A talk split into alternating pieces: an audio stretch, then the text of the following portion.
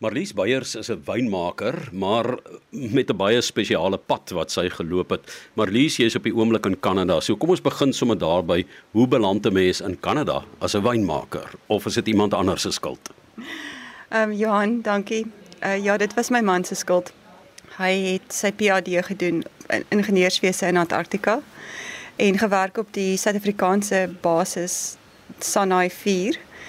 Uh, wat besig was om met sneeu toegewaai te word en 'n uh, maatskappy in Kanada het hom gekontak om hulle te help met die Britse Antarktiese basis en dit is hoe ons in Kanada geland het. Gelukkig in 'n streek waar hulle ook wyn maak in Ontario.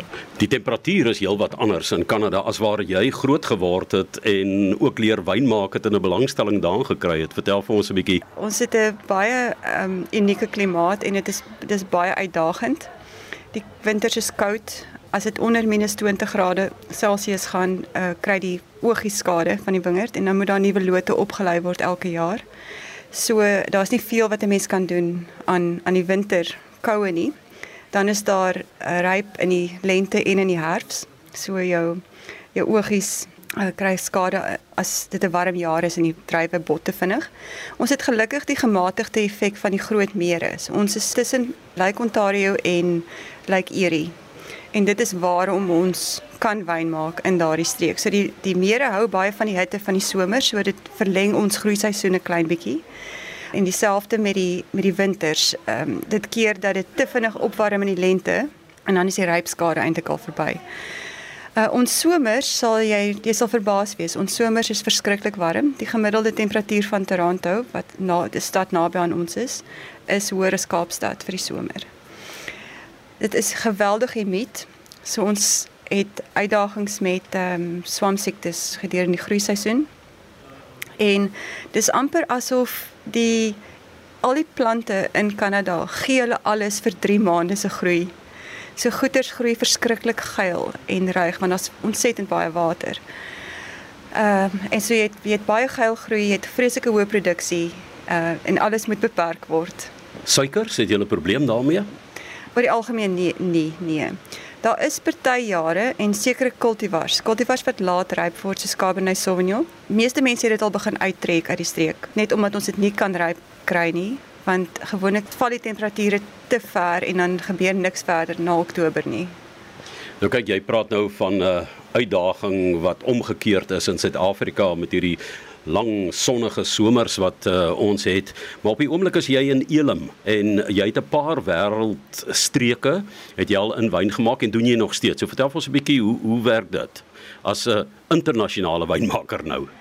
Ja, dit is interessant. Dis nie miskien nie ideaal nie, maar ek werk baie saam met Bruce Jack en en Dirk Iman. So Bruce Jack van Bruce Jack Wines en uh, Dirk Iman van Black Oyster Catcher. Saam met Bruce maak ons wyn uh sy reeks in Chili, so dis sy Chileense reeks. Ons het op hierdie stadium 'n Sauvignon Blanc en 'n Carmenere. En dan het ons 'n joint venture saam met Ed Schultz, 'n vriend van ons in Napa, Kalifornië. Hy het 'n Malbec wingerd en uh ons maak 'n uh, Cabernet Malbec Cabernet Franc wyn daar wat genoem word The Epic Journey. Dit is 'n vreeslike mooi wyn. En so dit is 'n klein bietjie makliker vir my om in Napa uit te kom. Dis omtrent 'n 5 ure vlug. So ek kan meer gereeld by die wingerd uitkom en ook wanneer ons dan nou versnitte en so aan doen.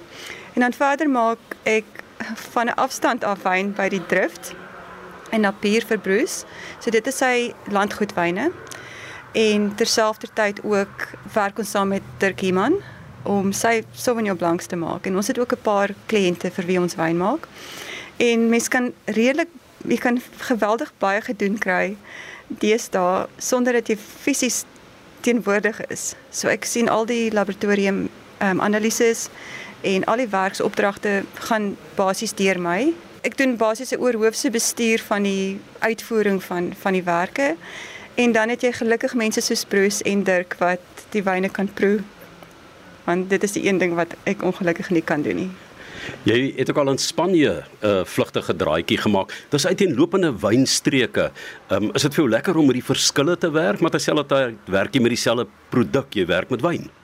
Ja, dit is een dag is dieselfde in my lewe nie. Ja, die streke is baie anders. In Spanje maak ons wyn in uh, Terra Alta wat in Catalunya is, suid van Barcelona. Organiese wyn, dis Carmenère en ehm um, or Carmenena uh, en Grenache. Ja, dis net die grondtipes, die manier van wingerdverbouing, die klimaat, alles maak dit uniek. So dit is altyd baie interessant. Jou man is in die ingenieurswese, jy uh, is besig met ingenieurswese van wyn eintlik en is dit 'n goeie raakpunt vir julle om die twee strukture saam te kan bou? Ja, dis 'n baie goeie raakpunt. Hy geniet die produk wat ek maak. ons trap nie op mekaar se tone nie. Dit is nie altyd maklik nie want hy moet by die huis bly met die kinders en die diere terwyl ek al hierdie streke besoek, maar ek dink dit hou dinge interessant Vertel vir my ook van ehm um, julle lewenstyl daar in in Kanada. Die mense, is dit maklik om hulle te vertel van Suid-Afrikaanse wyne en die gehalte van Suid-Afrikaanse wyne? Ja, Kanada, ek sal sê Kanadese is baie oopkop en hulle is bereid om enigiets te probeer en ook die Suid-Afrikaanse wyne het 'n groot aandeel in die mark. Omdat Kanada nie so groot produsent is nie, word baie van die wyne ingevoer en ook die die Kanadese wyne is baie duur omdat die arbeidskoste so hoog is. So ons drink baie wyne van van Chili, van Amerika, van Suid-Afrika, van Australië, van Frankryk. Is daar vir jou ehm um, een van die streke wat jou nader aan die hart lê as die ander?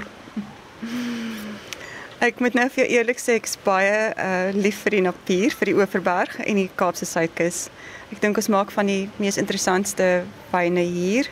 Uh, die koel klimaat, die grond, alles dra by en die ding wat dit die mees interessantste maak is die mense. So ja, ek sal sê die Kaapse Suidkus. Die arbeid werk in ander lande heelwat anders as in Suid-Afrika. So uh, moes jy dit absorbeer in jou werk?